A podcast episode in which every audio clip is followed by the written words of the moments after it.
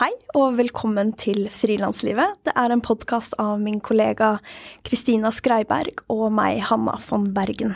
I dag sitter jeg på Spaces, eh, som vi er så heldige å bli støtta av, med produksjonslokale. Og jeg skal snakke med musiker Einar Stray. Einar han spiller bl.a. med Moddi, Siv Jacobsen og har tonelagt musikk til Cezinando og mange flere. Med sitt eget band, Einar Stray Orkestra, har han utgitt tre album og har de siste årene turnert Tyskland rundt for utsolgte hus. Velkommen, Einar. Tusen hjertelig takk. Du var jo nettopp på tysklandsturné. Kan ikke mm. du starte med å fortelle litt om det? Jo, eh, denne gangen her følte jeg ja, Det var nesten litt sånn høydepunkt altså, i karrieren eh, denne runden her, faktisk. For da har vi nå spilt i Tyskland og på en måte bygget oss opp i fem år snart. Litt sånn av og på. Um, og så hadde vi da rett og slett prestert å booke nå det nye konserthuset i Hamburg, Elbphilharmoni, som bare kosta liksom en milliard, eh, en milliard eh, euro. Og eh, ser bare helt crazy ut. Og det, det solgte vi ut, da. Og åpna turneen der. Det var helt sinnssykt. Og så spilte vi dagen etter i Funkhouse, som er da Berlin sin gamle radiostue. Altså rett og slett NRK for uh, Øst-Berlin, da. Uh, I gamle dager, eller for noen år siden.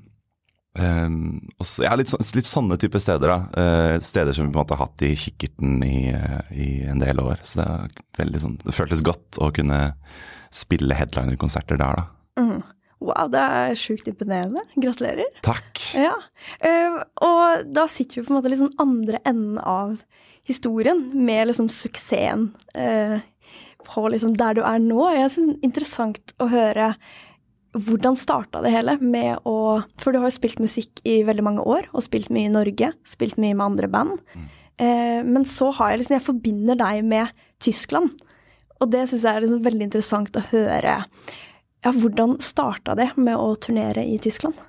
Det starta med at vi spilte på Bylarm eh, for mange år siden, og hadde akkurat sluppet debutplata.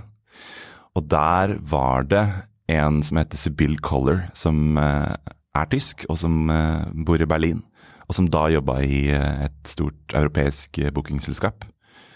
Og hun likte det hun hørte, det er jo den klassiske bylarmhistorien som man hører, da. Mm. Um, og Det er derfor bylarm og festivaler som ligner på bylarm, altså sånne bransjefestivaler, er så viktig. Uh, kan være viktig hvis det er de rette folka som er i salene. Uh, så hun ble forelska og uh, sa til oss med en gang dere må komme til Tyskland. Og vi må begynne å spille i Europa, liksom. For fram til da så hadde vi ikke spilt nesten noe utenfor uh, for uh, Norge. Hadde spilt en sånn punky kick i København hvor vi kjørte buss hele natta og fikk ingenting betalt og syntes det var dritkult. Men hun sa dere må komme til Tyskland. Så da var det ikke mange månedene før vi plutselig satt i en bil på autobahn da, og uh, gjorde det som vi har endt opp med å gjøre minst to-tre ganger i året ta en sånn skikkelig runde i eh, Tyskland, eh, type en måned på veien. Og det ga mersmak, for da kom vi der, og så var det plutselig bare masse folk som, som møtte opp på disse konsertene. Og hvilken rolle hadde hun i eh, bookinga eller planlegginga av det? Altså, hvordan, hvordan endte det opp med å ha masse spillesteder? Da var det rett og slett hun som, eh, som, som prøvde seg ut som vår bookingagent, da og som vi da senere ansatte ordentlig. Det er alltid lurt å ha en sånn prøveperiode med folk man jobber med. Men hun leverte som var det. da. Hun hadde, fant veldig fine steder som passet vår musikk eh, bra. Og steder som også er kjent for at man har lyst til å sjekke ut ny musikk. da. For det var det som var så rart. Vi kom til nye steder og syntes det var så rart at det ble liksom Det var flere av konsertene som ble utsolgt første turneen.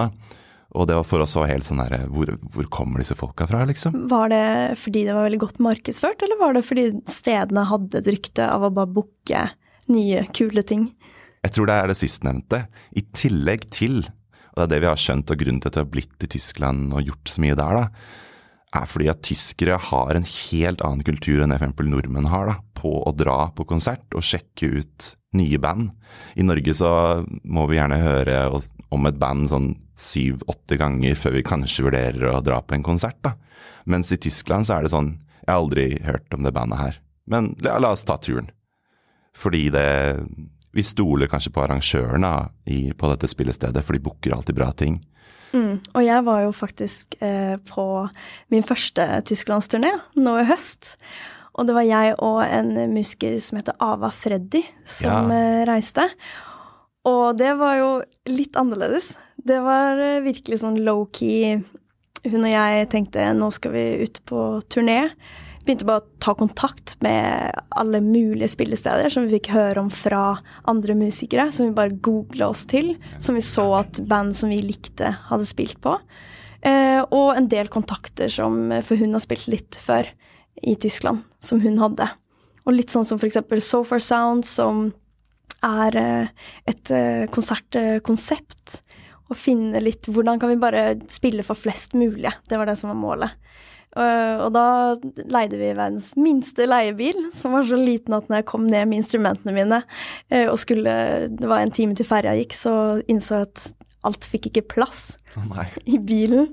Um, så da måtte jeg ende opp med å liksom legge fra meg litt hjemme ta med et par av instrumentene og stappe ting så godt det gikk, uh, og dra av sted. Og det var sånn Ja, vi gikk akkurat i null. Jeg tror vi hadde 10 000 i utgift hver, og fikk liksom 10 000 i inntekt. Og det var ca. 12 eller 14 spillesteder. Ja. Og da hadde vi Da spilte vi Hatten. Så dealen for oss, da, det var veldig sånn En sånn Hva skal man si? Um, veldig do it yourself-måte å gjøre det på. Mm. Da var all bookinga fra oss. Vi leide leiebil, fiksa sånne ting. Vi, dealen var at vi fikk sovested og mat. Mm. Og så fikk vi spille for hatten og selge merch. Mm. Mm. Så det var litt sånn vi valgte å gjøre det. Var det Men det her høres ut som det var litt uh, At dere bare skippa skippa det nivået, på en måte, og gikk rett videre. Vi skippa de punketurneene som jeg tror eh, mange band uh, begynner med. og det syns jeg er veldig bra at man gjør, da. Jeg tenker at det, det er bare å prøve seg, da. Det er bare å ta turen, liksom. Fordi Tyskland er Europas største marked hva gjelder musikk. Og sånn som du sier, det der å spille for hatten og det der å spille for å selge merch, er jo f.eks. i Norge en kjempedårlig idé. Mens i Tyskland så har de en kultur Eh, for å være mye mer raus på greiene her. Og merch, det kan vi snakke om litt etterpå også. Ja. Men det liker de kjempegodt og kjøper masse av. Mm. Men, ja, men vi, vi dro liksom eh, på en ganske sånn lagt opp turné fra starten av. Mm. Eh, fordi hun, Sibyl Collar, da, eh, var rett og slett en, en bookingansvarlig. Så det er selvfølgelig absolutt å anbefale hvis man finner seg en booker. Eh, men jeg synes, jeg heier veldig på også å bare gjøre ting. Har vi lyst til å teste ut Tyskland? Ja, la oss bare dra, liksom. La oss teste det ut. Og det var faktisk helt fantastisk, sånn som du sa, med det tyske publikum. Det var jeg ikke forberedt på, fordi jeg tenkte sånn Men herregud, hvem Altså, ingen Jeg kjenner ingen i Tyskland. Jeg kjenner kanskje to personer. Så jeg tenkte sånn Hvem Hva har folk for noen grunn da til å komme og sjekke ut noe de ikke vet hva er? Eh, og det som var så fantastisk Første gigen var i Flensburg, på sånn lite eh, liten kafé eh, med en liksom 65 år gammel fyr som drev. Og det var helt stappa. Det var sånn 80 pers som hadde skvist seg inn i denne kafeen for å komme og høre på to norske artister som de ikke vet hvem er. Og jeg syns det var skikkelig Ja, jeg ble skikkelig sånn glad for den for publikums vilje til å lytte og på en måte være sånn genuint liksom, opptatt av musikk. Mm. Mm. Det er så mye idealisme, da. Eh, og du finner også store miljøer som, som er eh, akkurat sånn, da. At de brenner for nye artister. Du har, det er på en måte den gammeldagse musikkbransjen litt. da, At det fins fortsatt platesjapper. Det fins fortsatt den idealismen som ikke har blitt drept av, av det kommersielle. da som det kanskje har blitt litt i Norge, da. Mm. Um, så det er veldig fint å kunne se at det fortsatt går for full maskin i Tyskland. Og på den første turneen dere hadde, hvordan gjorde dere det med Altså når hun booka, hvordan gjorde dere det med penger i forhold til Fikk dere betalt av spillestedene selv om de ikke nødvendigvis visste så mye om dere, eller visste at det var et publikum?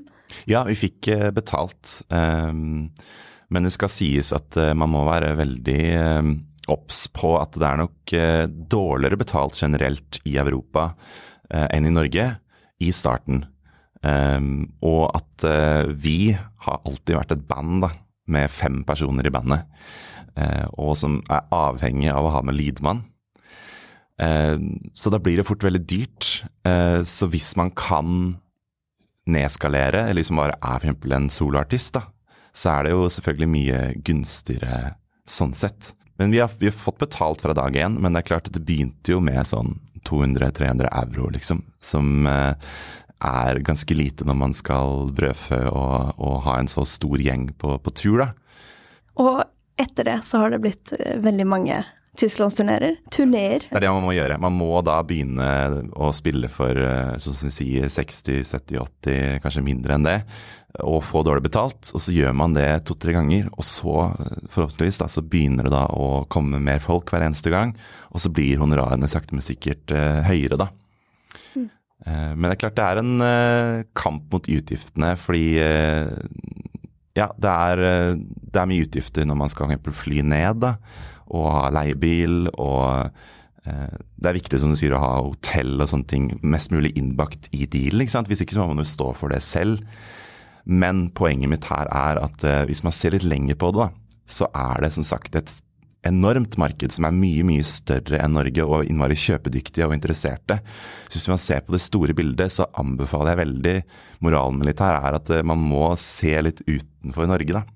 Og at det er nå, nå, har vi faktisk fått oss en slags arbeidsplass ikke sant, i Tyskland som er veldig viktig for oss, og som kan fortsette å bare vokse og, og være.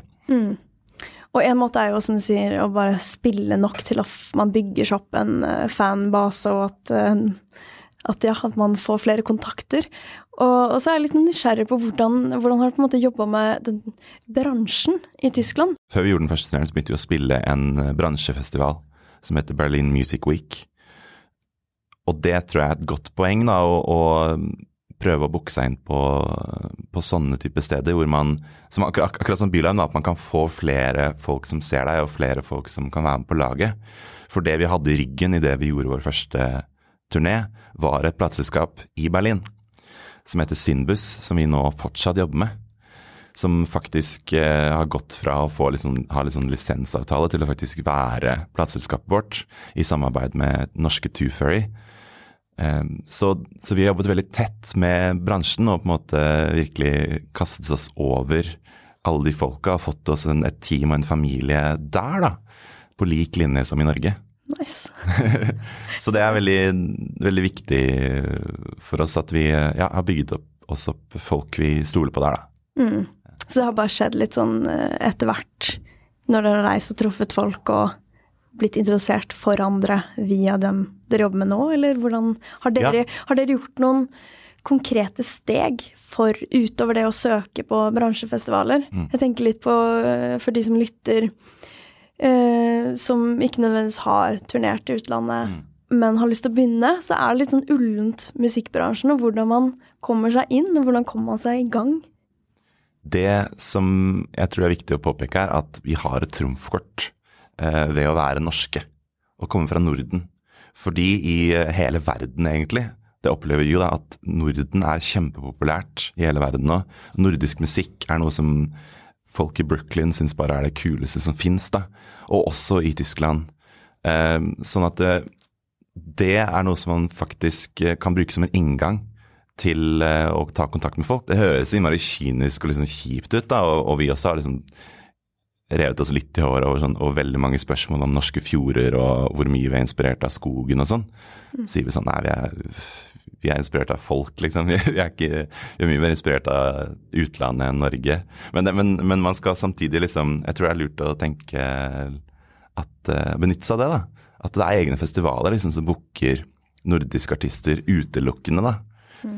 Eh, at det er en kul bølge, egentlig, bare embrace og være en del av. Eh, sånn at eh, Ja, man er hot shit, faktisk, i Tyskland. Og, eh, så man skal ikke være redd for å bare være ballsy og ta kontakt. For det er, eh, det blinker i øynene på folk da når du sier at du er norsk. Mm. Og det er skikkelig kult. Ja. Det er jo det. Og det er jo litt at man må eh, Når man er musiker og spiller musikk, så handler det om eh, at man elsker å formidle altså musikken. Man liker å gi folk en opplevelse. Mm. Men for å kunne på en måte oppnå det, så må man jo også ta litt høyde for eh, hvordan man skal komme seg dit. Ja. Hvordan skal man Det føles litt poenglyst å gi ut en plate hvis det er fem lyttere. Det er fint for de fem personene, men det er jo veldig kult hvis man klarer å eh, være litt strategisk. Ja. eh, Og nå ut til litt, eh, litt flere. Ja. Og så er det, det vil jeg også si om det tyske markedet, at det, sånne nisjer, da, altså mer alternativ musikk, er automatisk mye større.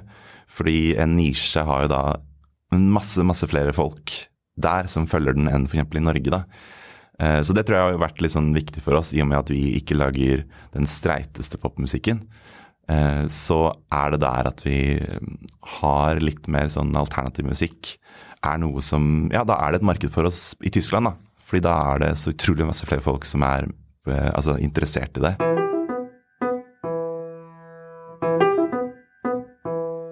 Hvis du har lyst til å fortelle om det, så er det veldig interessant. Du sa sånn 200-300 euro Ja.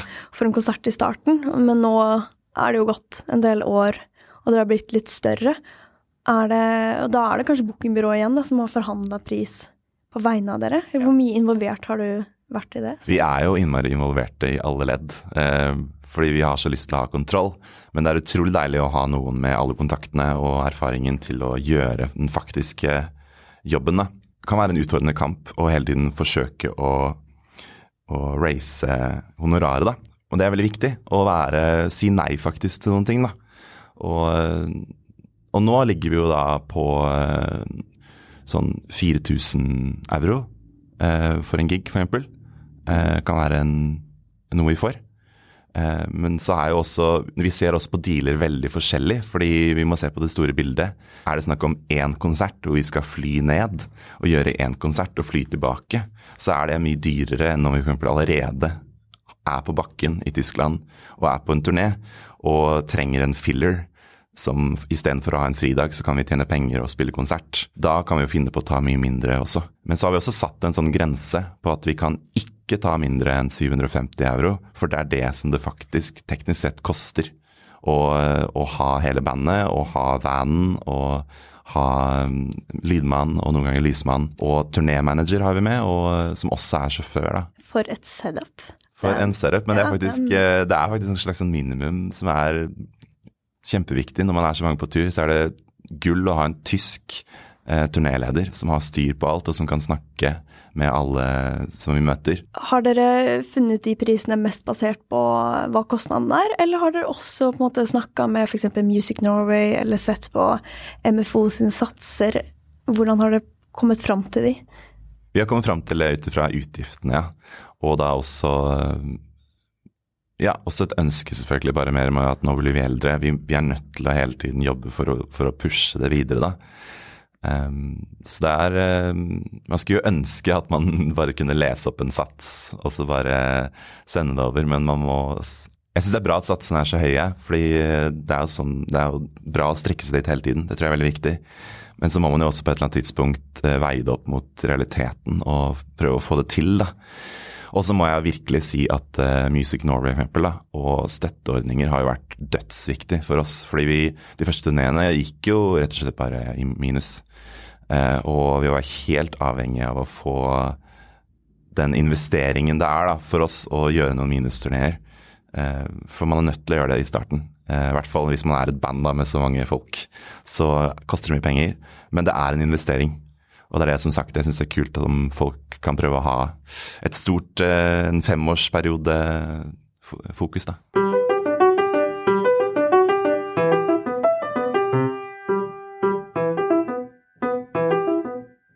Hvordan vil du si at det å spille såpass mye i Tyskland har påvirka eh, ditt band i Norge? Med liksom den norske musikkbransjen og det norske publikummet? Det har blitt vår eh, innsalgsvinkel, rett og slett. Eh, den gode gamle 'man gjør det bra i utlandet'. Eh, for Norge er jo et helt annet marked, som er mye mer radiobasert, f.eks. Hvis man ikke har radiohits, så må man jo ta den, den greia med å bare spille masse og bare eksponere seg masse. Så, ja, så, men det er ikke like stort marked for mer nisjete musikk, da. Jeg syns jo det er litt provoserende at uh, det virker litt som med Cashmere Cat, uten at jeg kan uh, måte være ha en fasitsvar, men ja. Cashmere Cat er jo ekstremt stor i utlandet. Mm. Eh, og nå har jo Norge virkelig sånn wow, eh, sjekk ut det her, da. Men han har holdt på lenge, og det virker som det her skjer med en del artister og band, at eh, de spiller mye i utlandet. Ja. Og så ser Norge på de og tenker sånn Ja, shit, det her er jo dritbra. Uh, men at uh, dere spilte jo samme musikken i Norge før dere dro til Tyskland. Jeg vet ikke hvordan, hvordan det var da. Det spilte jo på Bylam da, for så vidt. Ja, vi, man, jeg føler man alltid får en Hvis man har noe godt å komme med, så får man alltid en slags sånn hype idet man starter. Så da gjorde vi jo liksom Bylarm og Øya og Slottsfjell og, og sånne ting. Eh, så føler jeg litt, eh, for å komme med litt kritikk eller en sånn tankekors til, til, bransjen i Norge, da, er at det tror jeg er like så viktig å fiske opp band idet de på en måte tar sine neste steg. da. For er, eh, de er veldig flinke til å hype nye artister, men så er de veldig flinke til å forkaste dem etterpå, på en måte. Mm. At det er veldig Jeg tror det kan være viktig å, å gi dem en, et nytt push for å, ja, som sagt, se det litt større bildet, da. Ikke bare den korte første første heiet, men at det kan være kult å fortsette. Og det tar tid å bygge opp en act. Da. Ja, og det er veldig kult med podkasten du har, som heter Popkammeret. Som virkelig fronter måte, norske artister som ikke nødvendigvis er de man hører på P3 eller leser om i avisa. Og det er litt variert, da, og mm. kanskje litt under radaren, noen av de. Mm. Ja. Jeg, Jeg har alltid hatt hjerte for det, altså. Og det er jo i undergrunnen at det mest interessante skjer. Det er jo, det er jo der Ariandre Grande får liksom inspirasjon fra, egentlig. Altså det er jo, du hører en støykunstner gjøre et eller annet på en konsert eh, som er nytenkende, og så tar det fem år, og så har det nådd mainstreamen. da. Så hører man den samme type effekten som er brukt på vokalen i en poplåt. Eh, det er kjempeinteressant og, og, viktig å støtte de som bare har tre publikummere, da. Mm.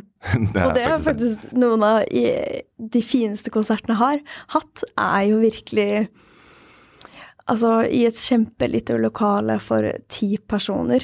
Eh, så det syns jeg jo eh, ikke man skal undervurdere. Men det som er viktig, er jo litt det økonomiske og det å kunne leve for å kunne leve av musikken. Så må du spille veldig mange av de ti personers konsertene, da. Ja. for å kunne få det til å gå rundt. Ja. Men bare hang in there, altså, fordi det er virkelig en vei å gå. Det er litt sånn Motorpsycho-veien, som har blitt et band som er en bauta, da, som folk har stor respekt for, og som trekker fulle hus over hele Europa. Men de har aldri hatt en radiohit. De har bare rett og slett spilt én og én konsert. Og, og, og, sakte, men sikkert da, så har uh, publikummet blitt større og større. Så det er et stort inspirasjonskilde for meg. Det er en annen rute enn den der klassiske at man blir lista på P3. Og så, Det er jo egentlig en slags snarvei. Mens uh, den mer sånn vanlige veien er at du må jo bare spre ordet. Du må bare spille konserter, du må bare gi ut musikk. Men for å bare kjapt skyte tilbake til det vi snakket om, liksom norske band som gjør det veldig bra i utlandet, og som folk etter hvert får med seg her i Norge. Men Kakk Madafakka var jo da virkelig det aller største i Tyskland eh, da vi kom dit i sånn 2012. Mm. Eh, vi spilte en festival i, i, litt utafor Berlin, Immergut Festival. En innmari sånn fin slottsfjellaktig festival. Og vi spilte i teltscena, en sånn ung og lovende scene. Og syntes det var dritfett. Og så eh, stakk vi for å se hovedscenen. Jeg visste ikke hvem som skulle spille. Og det var selvfølgelig da Kakk Madafakka som bare avslutta hovedscenen foran titusener av tyskere. Wow. Uh, og alle bare sang med på bergensk. og bare, Det var en utrolig sånn kul uh, sånn ting å få i, i fjeset, da. Mm. I fleisen.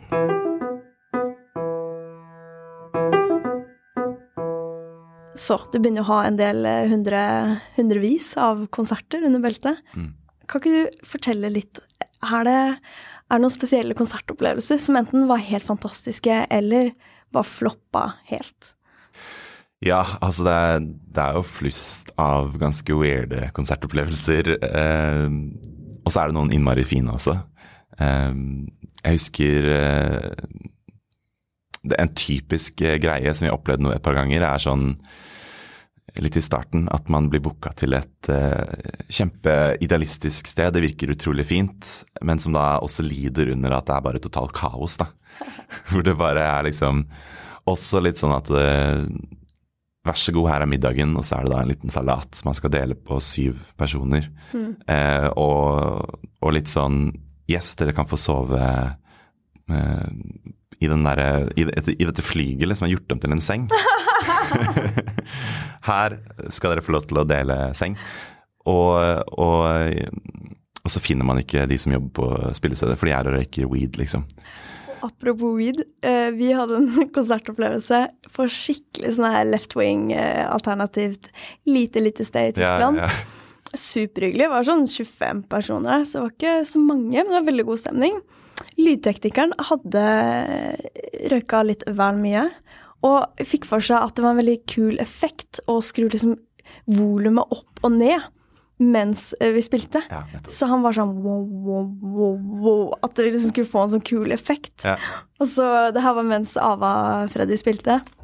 Jeg husker at jeg bare satt og så bort på han og var litt sånn hva, hva, er det han driver med nå? Hva er det? det her er liksom singer-songwriter. Veldig spesiell effekt å legge på.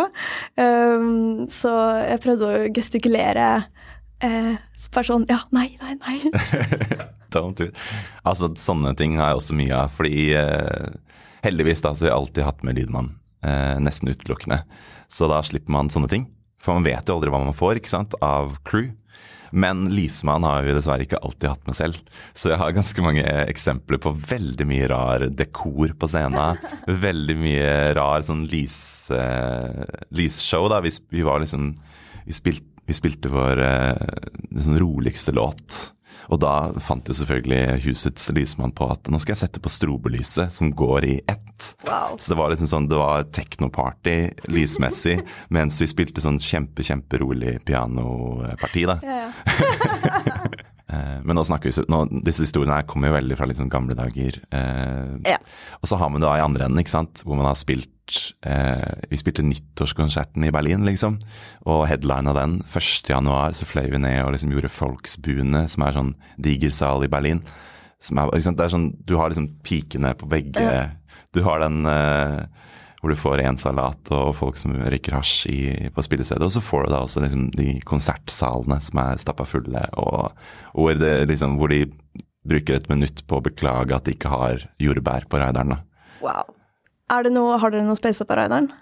Vi har eh, postkort. Oi, det er hyggelig. Eh, vi har en del ganske sånn praktiske ting. Postkort eh, fordi jeg sender mye postkort, og vi sender mye postkort. Så er det veldig kult å få med frimerke, da.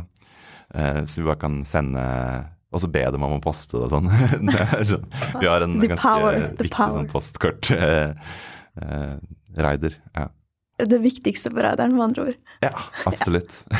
Deilig. Jeg tenkte det var litt interessant å høre Dere er fem stykker i bandet mm. og en fast lydtekniker. Mm. Hvordan organiserer dere dere selv når det er i Norge? Eh, har dere noen andre roller utover å være musikere i bandet, som dere selv gjør? Ja, vi gjør, gjør, veldig mye selv, selv om vi har hjelpere, da. Vi har booking i Norge og manager og sånn. Men uh, vi er så innmari detaljorienterte og liksom Vi, vi vil ha kontroll, da. Så, så vi, vi, vi, sjekker jo alle ledd, liksom. Selv om vi egentlig har folk som skal sjekke det.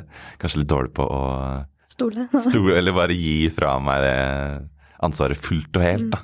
Men det er, jo, det er, jo, deres baby. Det er jo veldig vanskelig å la den uh, løpe fritt. Det er akkurat det, da. Mm. Men uh, i Norge er det kanskje hakket mer sånn do it yourself, faktisk. Uh, fordi Tyskland for eksempel, og utlandet er jo da et helt annet område som vi ikke alltid er eksperter på. Og også bare det å at du ikke er så god på tysk og sånne ting. Det er gull å ha med en som kan tysk. Men i Norge så er det sånn, da kjører vi selv, da selger vi merchen vår selv. Ja, gjør alle sånne ting, da. Og uh, ofte, ofte leier liksom bilen selv og uh, gjør mange, masse sånne ting. Mm. Ja. Det er mye kontorarbeid eh, som musiker og frilanser. Det er veldig mye, og det er jo litt sånn eh, mitt hjertebarn med denne podkasten er jo Mm. også mm, snakke om alt det bak det utøvende. Eh, fordi det utøvende er jo veldig Det er jo det man brenner for, og det er det man driver med. Men samtidig så er det veldig mye rundt det utøvende Mm. som man skal ha på plass. Ja. Eh, Ja, altså jeg sitter jo eh, dessverre mer i kontorstolen enn jeg sitter på pianokrakken. Men jeg, men jeg liker det også, da. Jeg syns det er eh, gøy til en viss grad med logistikk.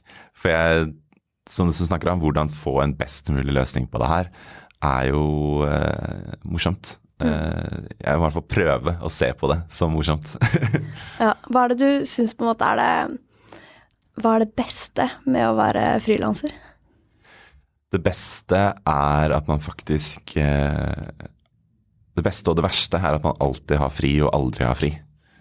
At det, det er konstant noe som surrer i hodet, konstant en eller annen mail som du må svare på.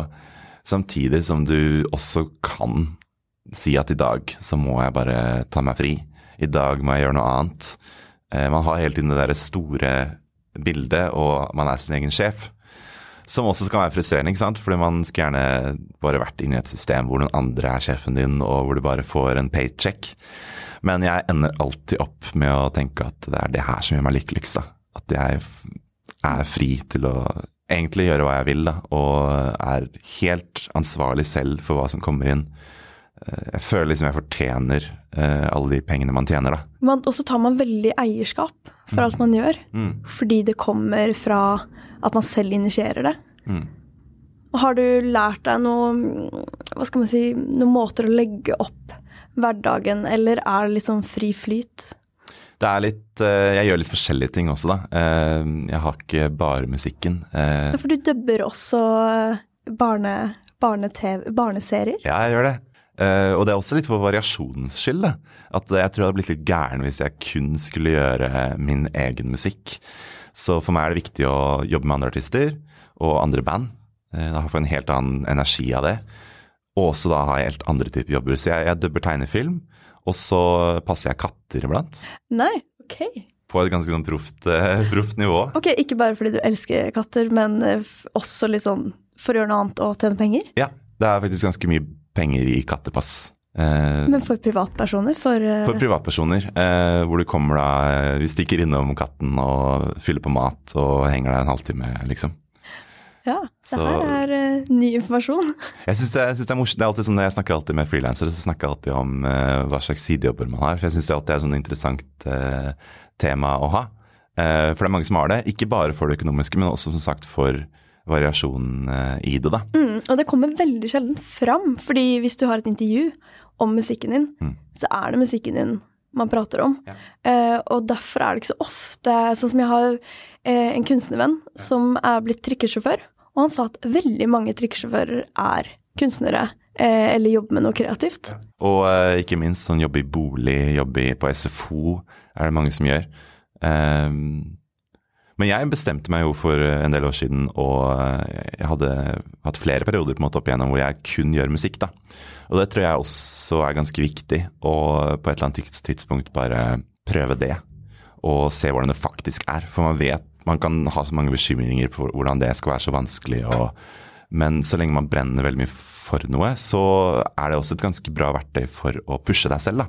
Um, og faktisk vie din fulle tid til musikken. Og jeg tror det aldri kommer et punkt, det skjer selvfølgelig for noen, da, hvor du, hvor du får veldig mye mer inntekter av det du driver med, men jeg syns fokuset alltid skal være på at du heller skal se på det som tidsmessig. Da. Du skal vie din tid til det du driver med, mer enn at du tenker, at, eh, tenker på det økonomiske. da. Eh, Fordi da kommer det til slutt til å, til å, til å gå bra. Jeg har en sånn naiv tanke om det, at, at, eh, en sånn romantisk tanke om det. At hvis man bare prøver, prøver nok å, å sette sin lit til det, så kommer det til å bli bra. Det er veldig vakkert. Og det er en veldig fin måte å avslutte denne lille praten på. Tusen takk for at du kom. Takk for meg. Ha det. Ha det.